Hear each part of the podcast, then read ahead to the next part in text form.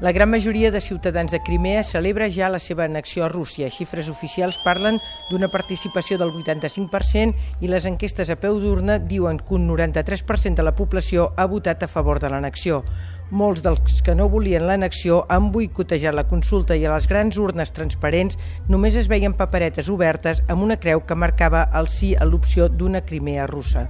La plaça Lenin de Simferopol, vigilada només per cosacs russos, és l'epicentre de les celebracions de la capital de la península, banderes russes, algunes de Crimea i un concert de cançons russes. Després d'una curtíssima campanya electoral on només hi ha hagut lloc per la propaganda a favor de l'annexió i després d'aquests resultats, demà mateix el Parlament crimeà demanarà la incorporació al país veí.